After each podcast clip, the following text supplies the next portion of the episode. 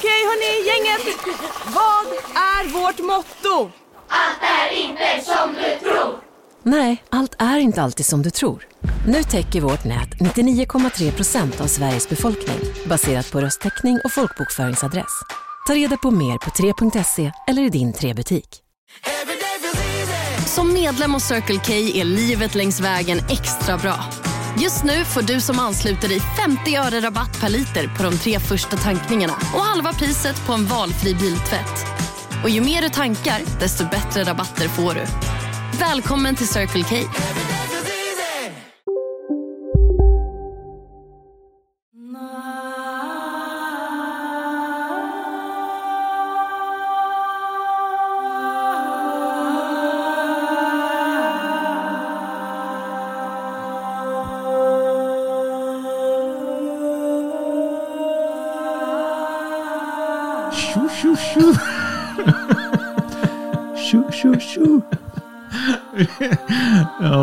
shit alltså. Det där var nytt. Det var något helt nytt. Ja, vi tänkte säga, vad ska jag börja? Det bara du börjar. Jag tänkte säga, vad ska jag säga? Tänkte jag, det var ju länge sedan jag började ens. Ja, det var, det var länge sedan du började. Mm. Mm. Och då blir det tjo, tjo, tjo. Tjo, tjo, tjo.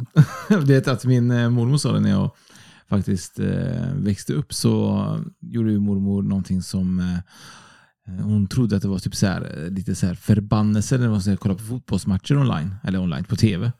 Och det var så här straffläggningar och så det laget som skulle eh, missa straffen, då brukar hon säga tjo, tjo, tjo, tjo, tjo.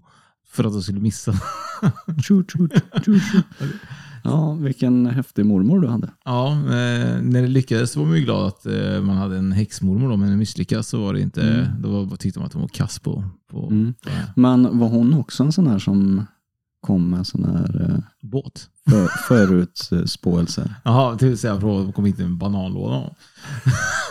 Hon kom hit till en bananlåda. Nej, alltså, nej, jag tror mormor hon, hade, hon var ju väldigt andlig egentligen. Hon var ju superandlig.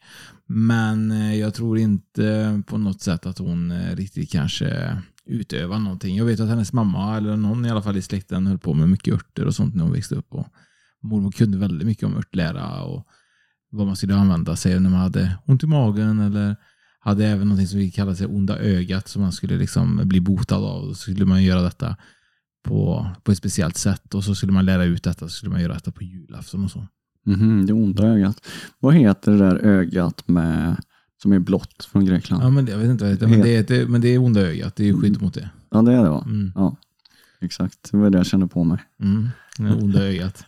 Har du fått onda ögat? Grejen är typ så här, när jag växte upp så har jag alltid trott på onda ögat. Jag, Ja. Vi säger typ så här, när barn ligger och sover, och det gjorde det även på mina barn. Om de sover med halvöppna ögon, då betyder det att de har fått onda ögat på sig. Och då gör man det här eh, liksom speciella saker man ska göra för, eh, för att bota det. Ja, du går fram och så stänger du ögonen med fingrarna. Ja, precis. Bara dra ner. Ja, så. Så, nej, man ska faktiskt eh, göra lite olika, olika saker. Så att, eh, men jag, jag, jag har ju inte gjort det själv. Det är min mamma som kan det nu. då. Eh, men man gör det på, på ett speciellt sätt. Ju. Man eh, gör typ ett kors i pannan och massa annat. Jag vet inte ritualen går ut på. Men det måste vara ganska jobbigt. Ja, nej, Ja, alltså, men jag det är inte tänker för hur- of- demon. Hur ofta sover inte barnen med lite halvöppna ögon? Ja, men de säger att det är på grund av det. Och det sjuka är typ så här, jag vet inte om det är inbildning eller inte, men sen när man har gjort det så sover de faktiskt med helt stängda ögon. Har du upplevt det själv eller? Ja, med mina barn. Mhm. Mm. Har du gjort onda ögat på dem? Ja, självklart. Testa bara. Ja, testa bara. Du, du sa så här, tjo, tjo, tjo, tjo, tjo. Och sen när det gick och la sig så sov de med halvöppna ögon. Ja, precis. Och sen så skickade du lite besvärjelser. Ja, massa Snälla besvärjelser. då.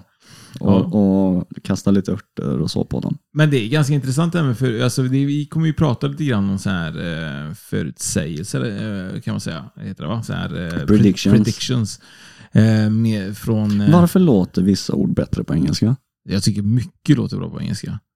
Jag tycker, du vet, när jag lyssnar på så här engelsktalande personer bara i en typ ICA-kön låter ju bara roligare att lyssna på än att lyssna på, på mig. Liksom. Det, det, är lite exotiskt. mm, det är Ja. lite coolt faktiskt. Jajamän, det är det. Jag förstår ju typ kvinnor som fastnar för brittisktalande män.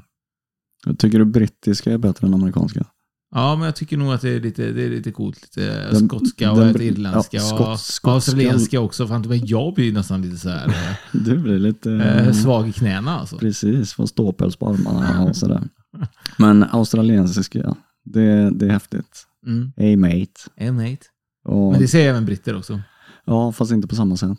Nej, jag vet inte. Jag har träffat nog lite olika britter. Jag jobbar mycket med England förut och då var det många, de sa mycket mate. Innan jag ringde dem. Hello mate, what's up mate? What are you doing mate? Ja, olika saker sa du då. Ett och annat. Ja, Eh, inte så precis. mycket. Du då, mate? Du då, mate. du då, mate? mate. Men det som jag tycker är så här, grejen var, jag tänkte häromdagen när det gäller min... Jag, det här är så konstigt alltså. Det här är sant. Alltså det här är riktigt sant alltså. Jag skulle åka till Gullholmen. Och så sitter i bilen så har jag precis börjat. Jag har kört mycket. Jag kör mycket bil på mitt jobb så jag blir väldigt ensam. Och jag kör förbi en kohage. Men konst, alltså det här är så konstigt. Jag menar allvar Fredrik, det är så konstigt. Jag, de här korna står jättenära vägen. Alltså jättenära vägen. Alltså det är ju fortfarande liksom en kohage men står nära vägen och tittar ut så här. Jag svänger, svänger ut och så kommer jag ju till de här korna då och så fortsätter raksträcka. Konstigt nog, vet vad jag gör? Jag ler till dem och börjar vinka. de här korna. Jättekonstigt.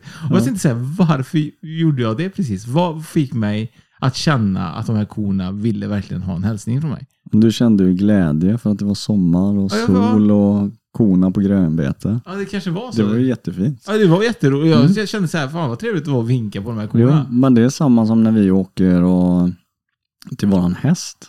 Så mm, det, vägen är ganska lång in till stallet och, och hästhagarna. Och vi ser ju hästarna från bilen på kanske 3, 4, 500 meters håll. De har ingen aning om att vi kommer dem, men redan då så börjar man le lite grann. Och det är nästan så att eh, jag kanske inte sitter i bilen och vinkar så, men, men det händer någonting. Men känner du att det är typ så här lika trevligt att liksom hälsa på dina hästar som att du skulle komma hem och hälsa på en vanlig människa? Eh, nej, jag, nej, jag känner inte alls det på samma sätt. Men det är ju en, en, en annan glädje. För då när jag kommer hem, när jag har varit i Norge och jobbat, jag är borta tre eller fyra dygn då. Och så när man kommer hem och eh, Anna har ju berättat det att hundarna kan känna av redan när jag öppnar dörren längst ner i trappuppgången utan att det hörs någonting. Då börjar de skruva lite på sig. Och sen när jag väl öppnar dörren, alltså de, de skriker ju hundarna. Men det gör de ju redan Då- när jag kommer. Ja, Jag men, men de, de är ju arga på dig. Ja, jag vet. De, De, mig har de ju längtat efter. och de, eh, man får sätta sig ner på knä och de, att de kramar om en verkligen. Lägger tassarna om axlar och slickar en i Du ansiktet. var och nära att säga attackera. du? Var nära att säga ordet attackera. Ja, men det är nästan så att de Ja. blir, jag ska inte säga att de blir hysteriska, men de blir, de blir så glada som vet inte vad de ska ta vägen. Men känner Men- du... Ja, alltså, för jag läste någonting på, ja det var väl den här eh, ansiktsboken, Facebook alltså. ja, jag tänkte säga, Ja. vad menar du? Ansiktsboken, vad är det för något? Ja, Ja. Men där stod det någonting, tänk om du skulle behandla andra eh, som en hund gör. Och så var det massa exempel på typ när eh, var, eh, vaknar varje dag med ett leende, eh, äter alltid med god aptit, eh, de blir överlyckliga när de får komma ut och springa löst. Alltså, bara massa sådana små exempel på hur en, en hund i det här fallet gör då. Vilket annorlunda tankesätt. Ja, jag vet, men tänk så här istället då. Om du hade gjort en video där du har agerat exakt som en hund när du kommer innanför dörren, där du verkligen attackerar Anna. Ja, Och så bara lägger det på henne varje gång. Och du slickar den i ansiktet. Slickar den i ansiktet så. Och sen vi du, kanske får göra en, vi skulle göra en YouTube på det. Ja, faktiskt. När, så här är det vara den perfekta människan enligt Fredrik då. Som Ja. en hund. Precis, som en hund. Ja, vad lyckliga han skulle vara då. Ja, men jag tänker egentligen, jag, jag tänker oftast eh, så på katter och så. När de kommer in och så äter de så här torrfoder. Tänk så här, de klagar ju väldigt sällan på vad de äter. Jag tänker så här, un- önskar att mina barn var likadana. Att de kunde verkligen bara få äta Torrfoder. torrfoder. Ja. Eller cornflakes kanske. eller. Ja, det gör de inte alls. Det är det. Men eh, ja, jag tycker ju nästan att eh, det är ju nästan roligt att prata om det här. Om prata om Ja, precis. förutspådda. Förutspådda saker. Ja. Ja. Precis, så det här avsnittet det ska ju handla om en man som heter Edgar Casey. Mm. Och han föddes ju 1877 och han gick bort 1945. Men eh, ja, det som Edgar Casey är känd för, det är ju för att han var eh, den sovande, eh, vad heter det? Profeten. Den Nej, men- sovande profeten, ja, ja. Precis så kallar man honom. Men, men det, man kallar väl den kanske, som vi skulle kalla den på svenska, kanske ett medium då. Ja, Transmedium och han var ju transmedium, exakt. Så att man, jag börjar väl med lite bakgrunds eh, historia på honom då, så får vi reda lite på hur han var när han var liten och vad, vad som händer med honom då. Så går vi vidare sen på eh, predictions som han har gjort och så kommenterar vi på det tänker jag. Och det var så att när Edgar var 11 år gammal så gick han in i skogen för att studera Bibeln. Då såg han en kvinna med vingar, en ängel, som frågade honom vad han mest av allt ville ha ut av sitt liv. Han sa att han ville hjälpa andra människor, helst sjuka barn. Senare samma dag så fick hans pappa ett telefonsamtal från skolan där de ringde och sa att Edgar, han var inte bra i skolan. Han hängde inte med alls och låg väldigt, väldigt långt efter. Hans pappa blev väldigt arg för det här och eh, gav han en sån rejäl örfil så att han åkte i golvet. Så bara ekade huvudet på honom. Och i det här ekot så hörde Edgar kvinnan från skogen igen. Som sa till honom att han skulle lägga läroboken under kudden och sova på den. När Edgar vaknade nästa dag så visste han allt som stod i boken. Han kunde till och med den utan till ord för ord. Efter den dagen sov han alltid på böcker och han lärde sig det som stod i dem. Det hade varit en rätt schysst förmåga, Oskar. Ja, alltså jag tänker oftast det så här att eh, när man har gått och gjort den här researchen att undra verkligen om han, hur han fick informationen från en stängd bok. Eller om han låg och lusläste hela natten, tänker jag ibland.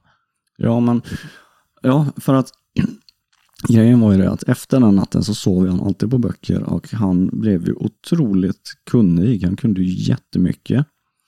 Och eh, att då förutsätta eventuellt då att han läste de här böckerna på nätterna. Han skulle ju aldrig sova då. Nej, han skulle ju aldrig göra det. Det är Nej. det som är så sjukt. Alltså. Han hade ju gått runt som en eh, levande zombie. Men jag tänker lite grann, för du kanske kan lägga dig natt då med din iPad under kudden. Och så kanske du kan allting på Google Ja. imorgon bitti. Vi pratade ju lite om det förut och det hade ju varit eh, så häftigt. Så att eh, jag, jag tänker jag ska testa det. Helt klart. Men grejen med det här då, att, för han sov ju på kuddar höll jag på att säga. Han, han sov på sin kudde och så hade han böcker under det där. Och ett år senare så var han den bästa eleven på skolan. Han flyttades till och med upp en årskurs. Och det var runt den här tiden, då var ju Edgar någonstans, vad kan han ha varit, 11, 12, ja, 12, 13 år gammal. Det var då de förstod att det var väldigt speciellt med Edgar. Sen några år senare så var Edgar ute en dag på skolgården och lekte. Och han ramlade eller skadade sig så illa så att han blev delvis förlamad. Och samma natt så drömde Edgar en dröm om ett botemedel. Och det här var en blandning av olika örter.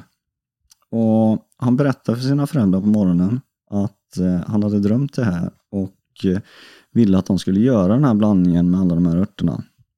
Och eftersom föräldrarna förstod att Edgar var lite annorlunda med det här med böckerna, han sov på böcker och han hade, han hade ju flyttat upp sig ett par snäpp i, i årskurser för att han hade blivit så himla duktig. Eh, så gjorde de det. Eh, de gjorde den här blandningen, eller cocktailen till honom och eh, han fick den. Och dagen efter så var han inte förlamad längre. Och det här är ju lite, det här är inte första, eller det är väl första gången i, i hans liv som han kommer på något sånt här. För det finns ju fler händelser där, där han eh, helar sig själv. Ja, du berättade lite grann tror jag att han eh, även hade tappat talförmågan också. Ja, precis. Det, vi pratade lite om det innan på den här. Eh, och det, det var faktiskt så att under ett annat, ett annat tillfälle eh, så fick eh, Edgar problem med, med halsen. Och det satte sig på, på stämbanden på något vis. Så att, eh, historierna går lite eh, skil, eh, skilda håll, så gör de ju inte, men han har ju tappat rösten. Men en del menar på att han var utan röst i säkert något år, andra inte lika länge. Men det låter vi osagt. Och eh, han hade hört talas om en hypnotisör, Edgar. Eh, och eh, Eh, som kunde hypnotisera eh, och kanske kunde hjälpa honom. Så att eh, han träffade den här hypnotisören och eh, hamnade då i hypnos. Och under hypnosen så talade Edgar om vad problemet var. Varför han inte kunde prata. Och det var psykologiskt berättade han. Eh, och då sa hypnotisören till honom att under hypnosen att han skulle öka blodflödet till det aktuella området i halsen. Eh, för att but, bota, buta, för att bota eh, att han inte kunde tala. Och lite senare sen när hypnosen var färdig och Edgar vaknade upp så kunde han prata igen. Det är jävligt coolt ändå. Ja, Men äh, jag tänker ibland, han kanske bara var tyst. Han kanske bara var tyst. ja det, alltså det, vi vet ju inte så mycket om Edgar. Det, är ju, eller, det finns ju mycket om Edgar, men vad är sant och vad är inte sant? Det här låter ju väldigt otroligt. Ja, det är ju väldigt Eh, spännande. Eller är, det, eller är det troligt kanske? Ja, jag vet inte. Det är, oavsett så är han en väldigt intressant man. Mm. Eh, sen så, vad heter det, var det vid ett tillfälle eh, som han faktiskt Ehm, det var en femårig flicka och hennes föräldrar som tog, tog kontakt med Edgar. Ehm, de hade sagt att eh, flickan hon var diagnostiserad med en dödlig hjärnskada. Och det här var deras sista hopp egentligen, att vända sig till Edgar. Och när de fick kontakt med Edgar så konstaterade han att det var ingen hjärnskada. Utan flickan hade problem med ryggraden. Och eh, man kunde bota det här genom att eh, man justerade på ett par ryggkotor i ryggen. Och då försvann alla flickans eh, symptom eh, som den vanliga sjukvården då hade trott att det berodde på en hjärnskada. Mm. Och det här gjorde att när det här blev känt, det var ju då han började få otroligt massa brev. Alltså han, för man, man skrev om det i tidningar och allt sånt. Så det, det blev ju en, en brevstorm som man säger. Tänk om vi hade fått eh, brevstorm. Det hade varit fantastiskt bra. Det hade varit, ja. Men det är ju egentligen inte att orka Men- skriva massa brev alltså. Vi får ju mailstormar Ja, emellan, ja. eller DM-stormar som det kallas för, så fint för idag. DM-stormar. Men jag tänkte lite grann så här att eh, man skulle faktiskt kunna göra så att vi lyssnar lite grann hur Edgar faktiskt lät när han eh, gjorde sina predictions. Mm.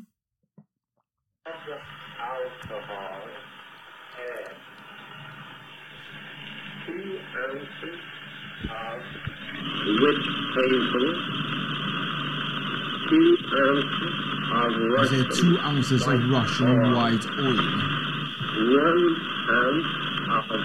Han har på med ett botemedel här mot något. Det låter faktiskt ganska...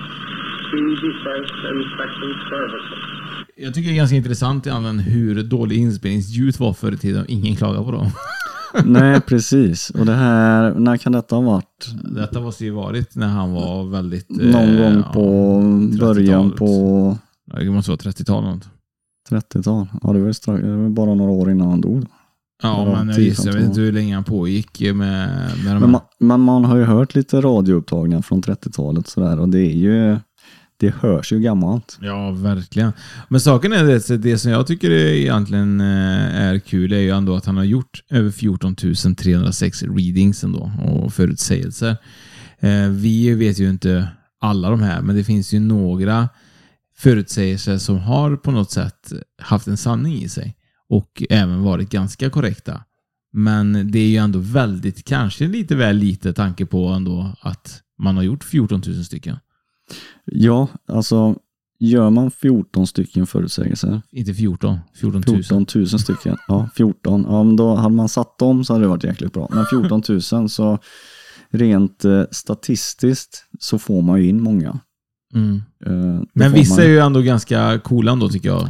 Ja, det är de. Och om man tänker på det han började med då, det var ju de här eh, uteslutande egentligen medicinska eh, förutsägelser där han eh, hjälpte folk, eller människor då, att bli friska och hitta mediciner och han ställde diagnoser och sådana saker. Eh, och det var ju det som gjorde att han blev känd också. Och med det här kändisskapet så kom det ju väldigt många människor som ville ha hjälp med massa andra saker. Och det har vi också exempel på. Eh, eh, fram på här ju. Det, jag kan ju ta... Ska jag ta någon eller vill du, vill du prata lite grann? Nej men jag tänkte lite grann, du sa att du hade, att han hade förutspått eller hade någon diagnos på någon. Jag vet inte, den, eh, det har inte jag så det får du gärna, gärna i så fall eh, dela med dig. Ja, men jag gjorde ju precis det. Jaha, men jag trodde du skulle göra det igen. Ja, ja, nej, men jag tänkte på, på det här med, med eh, börskraschen. Okej, ja, men han gjorde ju väldigt många förutsägelser i alla Mm. fall. Och du får gärna köra börskrasch, börskraschen. Jag tar börskraschen. Ja. Jo, det var så att sex månader innan börskraschen som ägde rum 1929 eh, så varnade Edgar alla sina vänner om att sälja sina aktier. Och det var ju några som inte gjorde det, tyvärr, för dem då. Eh, för de blev ju av med all sin rikedom. Eh, och till på köpet så förutsåg han även att marknaden skulle vända på våren 1933. Eh, och det gjorde det eh, samma år, 1933 i januari. Och det här gjorde han ju då Eh, börskraschen förutsåg han sex månader innan. En del säger det att eh, Edgar, han kunde ju väldigt, väldigt mycket. Han var väldigt påläst. Han kunde ju alla böcker han hade sovit på. så att eh, en del menar på det att det kanske inte var så svårt att förutse att eh, börskraschen skulle komma. Kanske inte inom sex månader, men att den var nära förestående. Och det, det är ju lite sådana här grejer som, eh, som talar emot Edgar och hans förmåga då. För en del säger att eh, det stämmer inte någonting, utan han, eh, rent statistiskt sett så får man upp, man får rätt om man kommer med så många förutsägelser. Men jag tycker det som är intressant är att det, han har ju massa förutsägelser som har slagit in. Mm. Jag tycker ju Och ganska märkliga intressant. sådana. Ja, men grejen är typ så här, jag tycker någon som är ganska intressant är ju att han säger ändå att USAs 44 president kommer vara svart. Och eh, Barack Obama var ju 44 presidenten till exempel. Och det tycker jag är så här en jättebra förutsägelse. Ja, precis. 44 president också. Mm. Eh, det är nummer på det. Och sen på den tiden då, det här är ju 30-tal, Ja. Att USA skulle ens ha en svart president. Ja, och ens, liksom ens Ja. tänka den tanken och, och, och Mm. säga det liksom så och verkligen säga att det här kommer hända. Jag förstår att många höjde på ögonbrynet när han, han berättade det. Liksom. Exakt, och det, när vi ändå är inne på presidenter så, så förutspådde han ju även att eh, John F Kennedy och Franklin D. Roosevelt, att de skulle gå bort under sina presidentperioder. Och det gjorde han ju. John F Kennedy, han blev mördad och eh, Franklin D. Roosevelt, jag tror han gick bort i en hjärtattack eller något sånt där va? Ja, grejen är typ så att det är bra om du gör en side-note här. Det är inte att han har förutspått att just det är de namnen, men han har förutspått att två presidenter kommer eh, få vara med om det här. Liksom, Mm. medan de sitter som aktiva presidenter. Då. Exakt. Så att det är inte just, just namnet då. Så det, det har han inte lyckats pricka in, men ändå. Han har prickat in de två grejerna. Mm. Eh, sen har han ju även eh, gjort någonting som eh, lät som science fiction eh, när han gjorde den här förutsägelsen. Och det var ju då när han gjorde en reading 1927 då. Och då var det att eh, man skulle av en blod, bloddroppe kunna diagnostisera sjukdomar. Och på den tiden så var det ju verkligen eh, väldigt i framkant och väldigt science fiction. Och Det var science fiction ja. Ja, och det tycker jag är ganska coolt ändå att, eh, att man gör det. För jag tänker lite grann, tänk dig då om du levde på 30-talet, egentligen vad lite man visste om allt. Och att man ändå kunde egentligen säga vissa saker som typ tänka på att ja, man diagnostisera blod, det låter ju liksom vettigt och alla andra bara, nej men det där låter ju löjligt. Och så finns det en som tycker det här låter spännande och bra. Och Ja. det säger han. Och så prickar han in det. Ja, det är sinnes. Jag menar, 30-talet, det är, det är länge sedan. Min, min, min mormor föddes 29 liksom. Ja. Och jag kommer ihåg att, eh, att hon eh, berättade historier liksom, när hon växte upp. Typ så här, som var typ så här, hur fan kunde ni ens tänka så? Eller hur kunde Mm. ni tro på det där? Liksom? Ja. Så att jag menar, det är ganska coolt ändå att han låg ändå väldigt i, Man, kan säga, man kan säga att han låg i framkant. Ja, Ja, men gjorde han ju verkligen. Och sen är det ju så att han hade ju även förutspått också att, eh, att Hitler skulle kliva upp och eh, höj, heter det? Eh, Ta makten. ta makten. Ja. Och eh, som sagt, å, återigen inte namnet Hitler. Jo, kanske var till och med namnet Hitler. jo, det nog. var det. Ja, han hade Mm. till och med förutspått det. Mm. Så att, eh, det är också ganska coolt ändå att göra det. Ja, att han skulle stiga graderna och att eh, eh, andra världskriget Mm. skulle starta. Och det är en allians mellan Tyskland, Österrike och Japan. Och han förutspådde till och med att USA skulle gå in i kriget 1941.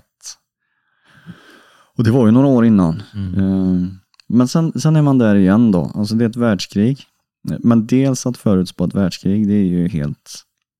eh, Det är ju ganska otroligt. Men när man väl har prickat in att världskriget ska, ska vara, då kanske det inte är så långt borta att en stormakt ska gå in och, Nej. och plocka, plocka Men poäng. ändå, att det, men, det, är men det, ändå- det, är ändå, det är ändå så långt borta. Jag menar, det är som att du och jag, du och jag ska göra en uh, förutsägelse här nu om ett krig. ja. Ja, nej, vilka länder ska vara med? Vilka år ska det vara? Vilka allianser ska vara? Så det, Men samtidigt så vet vi ju inte riktigt heller hur mycket av det här var på tapeten egentligen under de här åren innan han gör det här. Jag vet inte exakt vilket år han gör förutsägelsen med Hitler egentligen. Så nej. man vet ju inte egentligen hur mycket det har stått om Hitler i tidningar eller så. Det kan man ju kanske också lista ut om man är, kanske är ganska smart på den tiden. Så det vet man ju inte. Men sen någonting som jag tycker är intressant är ju att de här, alltså de här eh, SR, vet de SRnernas, eller eh, Esséerna. Esséerna, så säger man. Eh, han beskrev ju dem i detalj många år innan även de här döds, eh, död, döda havsrullarna upptäcktes. Mm. Och han hade ju även liksom, eh, gjort så att han hade beskrivit de här eh, väldigt eh, detaljerat. Och sa även att de här skulle upptäckas 1947, de här eh, döda havsrullarna.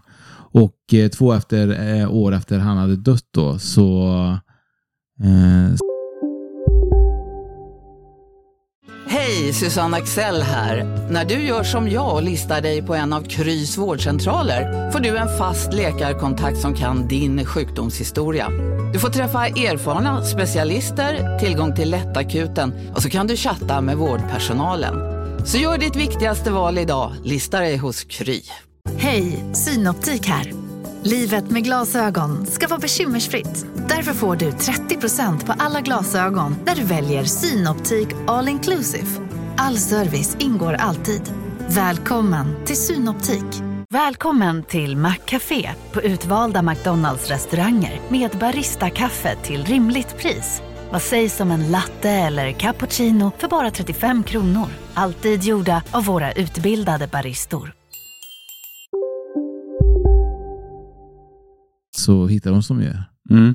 Och den här eh, 1934, det var då han förutspådde detta. Det är alltså 12 år Men inte det är tidigare. sjukt ändå. Ja, Då hade jo, ju, det det var ingen som visste om de här, den här sekten. Liksom. Nej, och ens bara gå in och börja prata om en, eh, de var väl judar i Mm, de var va? judar, ja. Mm. Och det gå in gjorde- och prata om dem och att det ska komma fram mycket noggranna skrifter och dokument som beskriver det här. Och, och han har ju beskrivit dokumenten ganska, också ganska detaljerat om man går igenom i- i hans readings tydligen. Mm. Han har gjort 171 stycken sådana readings på, på det här.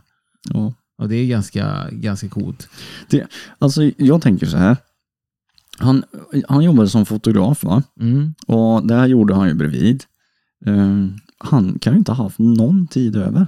Mm, nej, nej, verkligen inte. Jag tycker att vi, vi jobbar ju både du och jag, vi har ju heltidsjobb och vi håller på med podden och lite annat sådär. Men tänk om vi då skulle skriva 14 000 sådana här, Han skrev inte ner dem, han hade ju någon som satt bredvid där. han hade en scenograf, men han, han sa ju dem i alla fall. Ja, ja, han gjorde herregud. dem.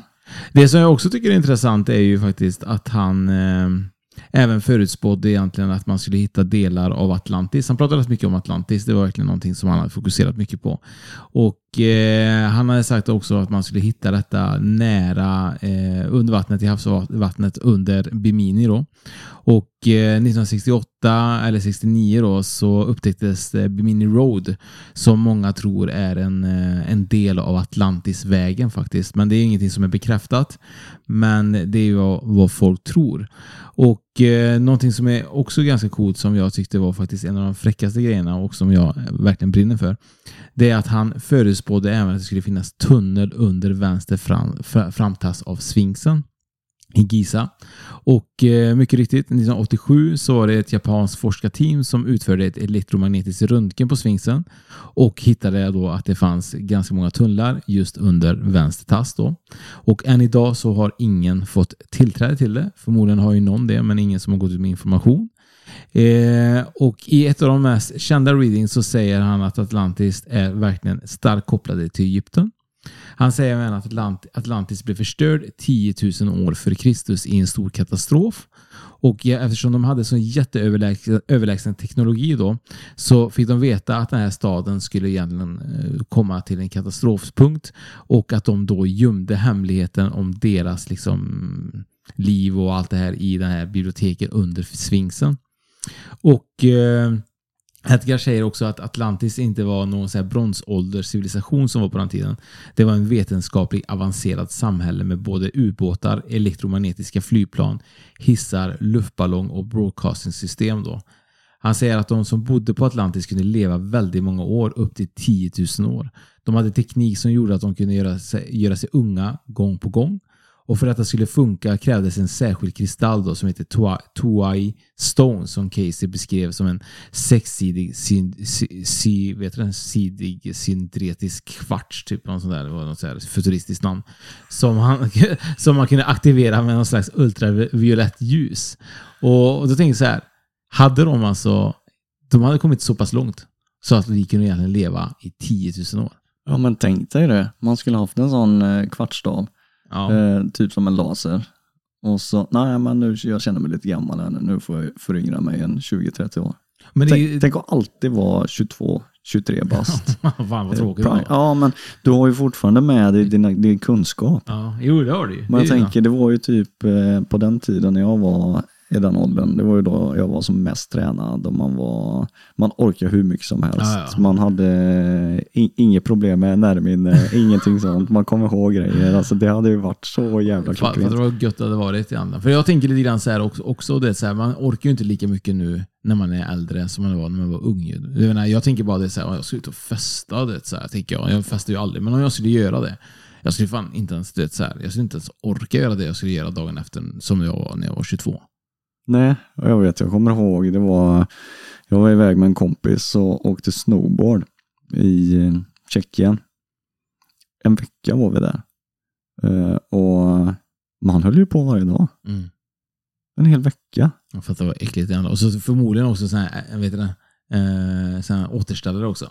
Ja, ja, ja, ja det, det, jag vet inte om man kan med säga det, men jo, det, vi börjar ju frukosten med en Jägermeister. Ja. Jägermeister och ägg. Mm. Vi Jag hör ju verkligen vad mogen du var vid 22 alltså. Ja, fast jag var ju betydligt äldre då, men eh, än 22 faktiskt, Ja. kommer kom jag på nu. Men, Ja. men i vilket fall som helst, så idag hade man ju aldrig fixat det. Men jag tänkte då om vi jämför egentligen hur vad du var när du var 22 och egentligen vad Edgar eh, Casey hade gjort när han var förmodligen 22. Han hade läst dussin, han hade bara, när han var 10 hade han läst redan Bibeln typ 12 gånger. Ja, ja precis. Och det, han var ju väldigt troende. Ja. Och det är bra att vi kommer tillbaka till ämnet, det är kanonbra. För han, eh, han fick ju sina förutsägelser, eller väldigt, väldigt många av dem från Akash-arkiven. Och han gillade ju inte det riktigt. Eller ja, Akash-arkiven gillade han, men sen så de här när man, eh, när man går tillbaka i och kollar på tidigare liv och sånt. Han var inte riktigt förlikad med det. Så att eh, det tyckte Vet man varför eller? jag kopplade till hans eh, kristna tro. Mm. eh, på det jag har läst och, och, och de filmerna jag har sett om honom. Men jag, fick in, jag har inte fått någon riktigt bra förklaring till det, utan det är min egen slutsats som gör det. Jag tycker det är ganska intressant med Akasha-arkiven egentligen. För grejen är typ så här, jag kommer ihåg när jag gjorde min, eh, regressionsresan med Anna ju. Och då vet jag att jag, eh, jag är inte på jorden, men jag är, någon annanstans. Och så kommer jag till ett slags ställe som jag är tomt ju. Men där säger jag faktiskt att det får till mig jättemycket information där inne ju. Och jag hade ingen aning om egentligen eh, alls om Akasha-arkiven egentligen. Jag tror jag har hört det typ så här, säkert någon gång längs poddens, poddens väg. Ja, men det, jag vet, vi har haft några som varit inne och nosat ja, på det det. är nog väldigt få alltså. Men de har inte sagt egentligen vad det var. Nej, nej. Och, och då säger ju Anna typ så här, men det kanske var Akasha-arkivet då. Och eh, för er som inte vet det, för det var ju ingenting som jag hade så jättestor koll på, även bara för att man har den här podden så har man inte kunskap inom allt då. Eh, så är det så att eh, Akashic Records, som, som heter på engelska, är, är som beskrivs som livets bok. Allt samlas i denna bok från tidigare liv fram till detta livet. Det rymmer alla dina tankar, känslor, handlingar från varje livstid. Akasha kommer från ordet akka som betyder lagringsplats och sa som betyder dold eller hemlig. Alltså så är det egentligen en enkel översättning är alltså en osynlig utrymme eller lagringsplats då som vi människor eh, sitter då med i förmodligen då i våran eh, själ eller något sånt där. Ja, men jag har för mig, nu, jag kan ju få för mig grejer, eh, det behöver inte vara så, men jag har för mig att vi pratade med någon i någon podd som sa att de här Akasha-arkiven, att de, de finns i ett annat universum, typ, eller en annan dimension. Ja, det finns de säkert. Men jag kanske, har helt, jag kanske har drömt det här. Ja, jag vet inte. Jag vet ju i alla fall att där jag får ut den här informationen så säger de egentligen att alla eh, kan nå de här och Ja, all- all- Akasha-arkiven egentligen då. Alla har Eh, tillgång till den, ja. Så varje gång du får en insikt av intuition eller en känsla, då får du en inblick i den gudomliga visdomen som finns i en Akasha record då, säger man då. Mm. Och, och sen finns det då att arkivet övervakas av mycket höga ljusvarelser samt av karmaherrarna då. Mm. Och, och jag tycker allt det här är ju så, det är ju nästan som att man gör ett eget avsnitt av eh, Akasha Records nästan. För Ja. att det finns säkert hur mycket som helst och säkert någon som är grym, mer liksom experti, expert Vi får bjuda in en expert. På Eh, Akasha Records. Ja, vi kan, ifall någon av er eh, kära lyssnare som lyssnar på det här avsnittet eh, kan och vet mycket om Akasha-arkiven så får ni jättegärna skicka ett DM till oss och tala om det så kanske vi kunde göra ett avsnitt ihop med, med dig på det. Precis. Eh, så, men eh, om vi pratar om de här eh, förutsägelserna som vi gjorde då med Edgar Casey så var det faktiskt en grej som jag tycker är lite läskigt faktiskt. Det är ju att den, den 1 januari 1945 så förutspådde Edgar Casey att han skulle bli begravd om fyra dagar. Och han dog av en stroke den 3 januari, alltså det har gått två dagar egentligen, 1945, och begravd i Hawksville, Kentucky, där han föddes. Så han säger att han ska dö om fyra dagar. Och, Ja, så, dör han. Ja, och så dör han på typ två. Mm. Ja, på tredje dagen. Ja, det beror på hur man ser det Ja, då. eller, ja precis. Men är inte det, är inte det typ så här egentligen eh, skjuten då att han eh, fick till sig det? Jo. Fast eh, om man vänder på det, har man tillgång till Akasha-arkiven Ja. Eh, så är det ju inte det. Eller om För- man tänker på att han kanske hostar väldigt mycket. Ja, precis. Eller var en stroke, så det kan ja, ju omöjligt veta. det, Nej, det kan jag inte veta. Så att man, för det, det är ju som du sa där, det är ju livet, livets alla böcker, jag säga, men det är ju ett arkiv. Ja, men det är från Det kan- tidigare liv till Mm. detta livet. Ja, menar, jo, men precis, det är ju allt. Och eh, det är ju, man säger tror ju... du får framtiden också? Mm, man säger ju det att i och med att du kan komma åt alla ögonblick i alla liv som har varit eh, och alla känslor och tankar i de här ögonblicken så kan man även använda eh, informationen i Akasha-arkiven för att förutspå framtiden. Men under vissa förutsättningar då. Och det är väl så han fick, eh, det är ju så han har fått till sig de här Akasha-arkiven då. Eller arkiv. Han har för, eh, han har ju förutspått väldigt mycket. Han förutspådde Mm. till exempel att, eh, att det är egentligen så att eh, vi mellan 1958 till 1998 skulle vi märka en förändring i våra eh, poler egentligen på jorden, skorpa ju. ett poolskifte. Ja, och eh, 1998 så får ju NASA reda på att det håller på att ske en förändring. Och eh, när eh, den här italienska vulkanen Etna då eh, får en utbrott, och det har den precis fått då för något år sedan här. Och när Mont Paul också får ett utbrott samtidigt så ska det ske den stora katastrofen. Och då är det ganska läskigt egentligen, för då är det ganska stora katastrofer. För då är det ju så att Sverige kommer hamna, nästan hela Europa hamnar under vatten. Norra Det- Europa ja. Ja, Mm. och det kommer Sverige kommer bestå av väldigt mycket öar och sen kommer väldigt många kustlinjer, jättemånga länder eh, kommer ju verkligen vara under vatten och så kommer även de eh, kalla platserna kommer bli även ganska tropiska och så vidare. Mm. Ja, Afrika skulle bara vara tre delar av Afrika som skulle ligga ovan vatten och Asien går nästan helt under och Kinas kust flyttas och Australien tappar 25 procent av sina landområden. Det är Ja. jättemycket. Och det är ju att jättemånga människor som förmodligen också kommer stryka med i det här. Så det egentligen känns det lite grann som syndafloden om jag ska vara helt ärlig. Ja, men det blir ju det. Och han menar på det att när Edna och Polly, när de får sina utbrott samtidigt, då har du 90 dagar på dig att utrymma alla jordens kuster. Ja, men vad, frågan är typ så här, vad ska vi lägga 90% av alla personer då? Vi vet ju, alltså det är ju så, alltså om vi kollar på kartan som vi, jag har faktiskt gjort, så ser man ju väldigt att det är väldigt få platser som kommer, alltså det kommer bli överfullt om vi lägger människorna på de här få platserna som existerar. Jo, men, ja, och sen så tror jag, jag vet inte ens om vi har medel att förflytta alla de här människorna Nej. till de platserna, även om vi skulle vilja göra det. Och sen så skulle det ju, det skulle bli väldigt tätbefolkat. Verkligen. Men eh, om vi pratar på eh, egentligen andra människor som har gjort eh, förutsägelser så gjorde jag så att jag kollade lite grann vad Nostradamus hade sagt för 2022 egentligen. Mm. Och Det som jag tyckte var intressant där, det var ju faktiskt, han hade sagt att eh, Rysslands president skulle bli mördad 2022. Och det sjuka är att den här YouTube-videon är, som jag kollade på, är från 21 november 2021 och Ukraina-kriget började februari 2022. Mm. Och han förespår även ett tredje världskrig 2022. Mm. Han förespår att London kommer bombas av islamister. Och han förutspår eh, någonting som jag tyckte var väldigt roligt och spännande.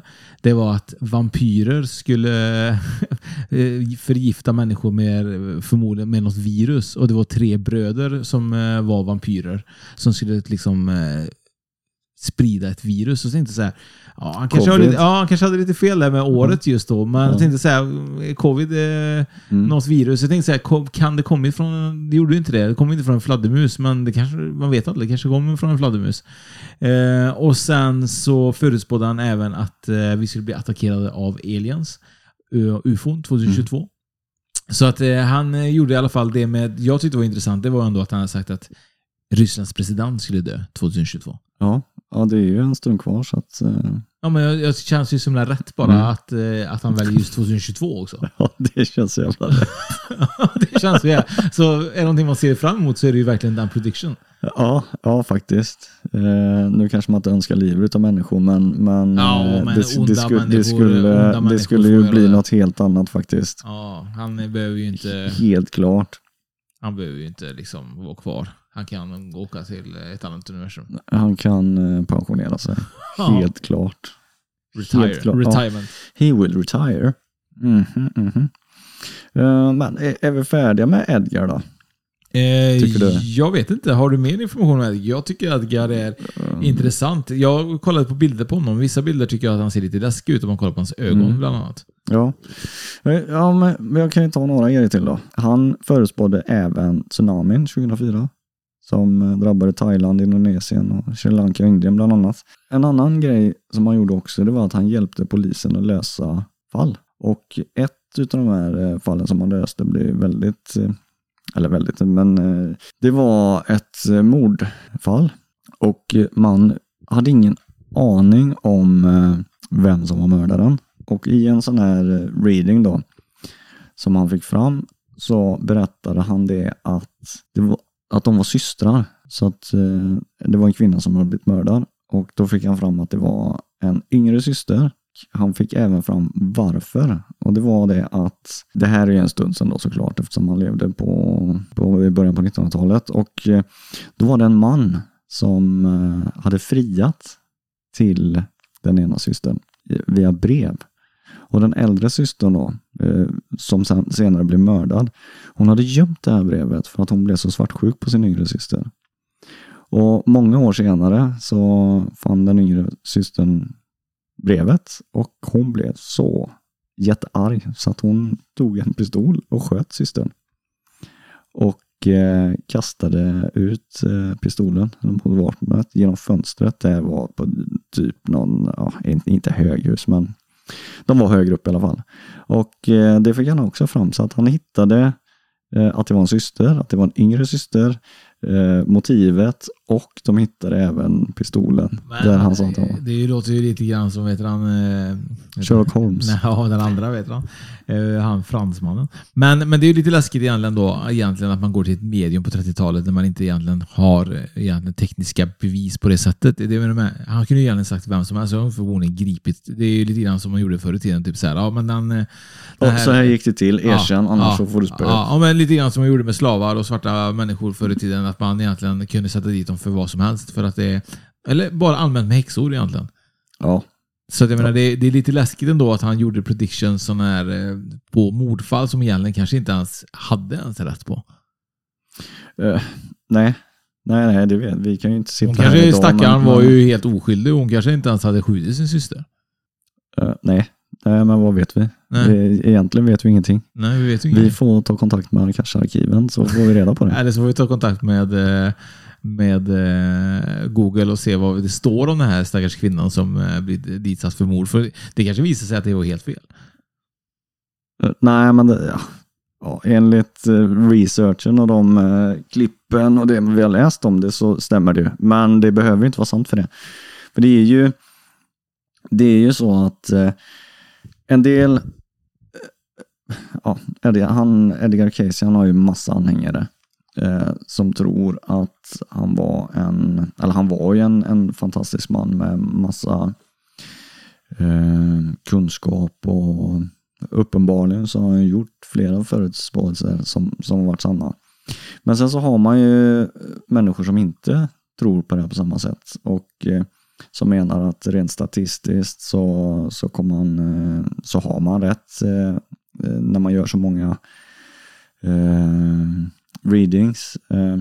Och jag såg ett, det var ett annat program där jag såg, det var någon forskare som pratade om det och han menar på att eh, Edgar Casey, att han hade något fel på frontalloben i hjärnan som gjorde att han eventuellt hörde röster och fick till sig saker. Så han menar på det att nej men det, det här stämmer inte, det, det finns inga arkiv att, att läsa på där. Men samtidigt så kan ju det här om, nu, om det nu var så att han hade fel på frontalloben så kan det ju ha gjort att han hade en högre medvetenhet så att han faktiskt kom åt de här arkiven på ett lättare sätt. Ja, eller så var det så, för jag kollade faktiskt på den eh, filmen eh, Fenomen med John Travolta från eh, 90-talet. Vad hette han? Fenomen. Nej, vad hette han?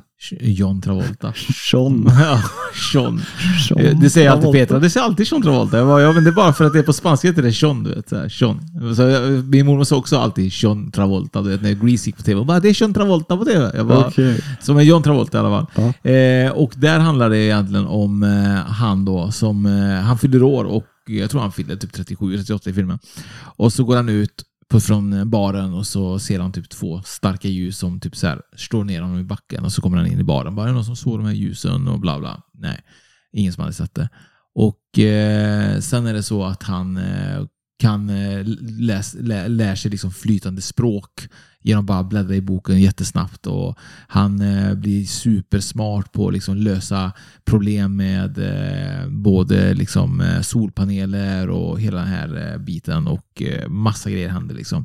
Och det visar sig egentligen då att han har eh, faktiskt en tumör som trycker på hjärnan som gör att han aktiverar en del av hjärnan som vi inte aktiverar vanligtvis då. Och att, att det är jätte, jätte ovanligt att det kan hända. Men han kunde liksom så här, han hade typ så här telekinesis där han kunde liksom flytta pennor och hela den biten. Då. Så det är superintressant. Man frågar ju, sätter sig lite grann typ så här, vad händer om vi på något sätt skulle kunna göra det? Skulle vi kunna trycka på våran hjärna utan tumör och få hjärnan aktivera? Skulle vi kunna lägga in någonting i hjärnan som gör att den trycker på typ så olika hjärndelar? Liksom? Ja, eller skulle vi kunna fixa något, någonting som faktiskt aktiverar de delarna av hjärnan som vi inte använder? För vad är det? Använder vi 20 procent av inte, jag tror inte hjärnkapaciteten? ens det. Alltså. Jag tror det är 4 eller 5 procent bara. Ja, det kanske är det. Och möjligheterna till, alltså när vi använder en bråkdel utav kapaciteten till hjärnan, alltså det, vi skulle uträtta stordåd Ja, ja, alltså det finns ju... Jag, jag. Det, jag det tror är det finns så en... sjukt intressant. Jag tror det finns en film, men jag vet inte om det är Scarlett Johansson som är med i den, vet, så här, som, eh, som är jävligt spännande, där hon verkligen eh, börjar utveckla liksom, eh, sin medvetenhet och att hon kan helt plötsligt använda sig 100% av sin hjärna och så helt plötsligt så kan hon mer eller mindre vara typ så aktiv överallt och ingenstans och koppla upp sig till allt möjligt. Liksom. Det är hon som försvinner in i elledningen Ja, på slutet. precis. Ja, men- precis. Ja, Ja. ja, ja, ja, den är ju absolut. Så att eh, frågan är typ så här, vad hade hänt om vi hade bara använt en 20-30% till? Det hade varit sjukt coolt liksom. Mm. Vi får börja forska på någon eh, medicin som kan lösa den gåtan. Ja, vi kanske ska faktiskt eh, ta och avrunda också det här fina, roliga avsnittet också. Ja, men när, när vi ändå är inne på filmer och predictions, då har vi ju Arthur C. Clarke som var med, gjorde och skrev 2001 A Space Odyssey. Och i den filmen så finns det med en surfplatta. Eller det är en platta och i filmen så, så beskriver man att ja, den här plattan, eh, för de är ju uppe i rymden då och dit kommer alla världens nyheter och eh, det går att bläddra den här plattan eh, ett helt liv och så vidare. Och så, vidare. så att iPadens fader jag vet, men grejen är så här, det tycker jag är ganska intressant när du säger det. För jag hade, när, jag, när jag växte upp så var det en kille som, eh, som han var lite mytoman egentligen. Men, men det, det hör ju inte hit till historien. Det som är mest intressant är ju faktiskt när T28 skulle komma ut. Mobilen Ericsson. Ja. Och då hade han ju sagt ja men du vet, min morbror han har ju fan den, du vet, han har kommit ut och det, det är bara touchknappar på den här vet du. Det är ingenting annat, det är inga knappar, ingenting, det är bara touch vet, så här. Och så kom den ut och självklart var det knappar och lite lucka och sån här skit liksom. Men han hade ju redan då förutspått iPhonen typ år 2000 egentligen. Jajamän. Så att, eh, och jag börjar tänka på det ibland, tänker så här, undrar var han fick det därifrån? Undrar om han verkligen hade kollat på någon futuristisk film eller någonting sånt där och Ja. fick för sig att det skulle komma. Så att egentligen är det ibland så att om man får låter fantasin flöda egentligen och göra vad fan man vill oavsett tid och ålder så kommer man säkert hitta någonting. Alltså vi skulle kunna sitta här idag och säga typ så här att om typ 50 år så kommer vi kunna teleportera oss till exempel. Precis. Om 50 år så finns det inga bensin och dieselbilar längre. till exempel. Utan vi svävar fram. Ja. Men vi sa faktiskt det att eh, håll utkik egentligen för att vi kommer göra våran eh, 2023 prediction ju. Det kommer vi göra. Som vi kommer faktiskt kanalisera. Vi- Och vi kommer sända detta på, to- på Youtube ju. Vi kommer kanalisera ordentligt Ja. och komma med... Våra predictions. Ja, så blir 2023 med andra ord. Det tycker jag blir jävligt spännande Ja, faktiskt. ja det ska det bli. Det, jag längtar efter att vi ska kanalisera och, och ringa till Akasha och kolla läget. Ringa till Akasha. Eh, om man vill då självklart eh, lyssna på, på fler avsnitt så, som inte släpps på Spotify och lite annat så finns det faktiskt eh, inne på Patreon. Och där ska man bli guldmedlem. Vi har sett att några blir medlemmar i lite lägre nivåer och det är 35 kronor för att bli guldmedlem. Och då får, vi ju, får ni tillgång till eh, våra extra avsnitt.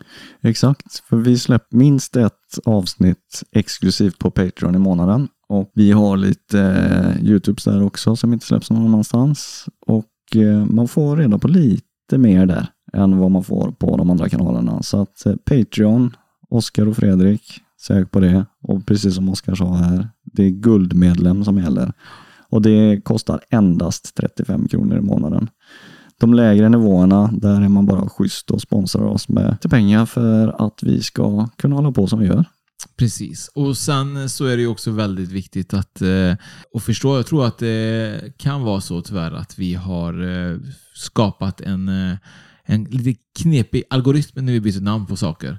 Så att eh, det kan vara så att man inte får upp faktiskt allting vi lägger upp på Instagram och så vidare nu när man har faktiskt bytt namn.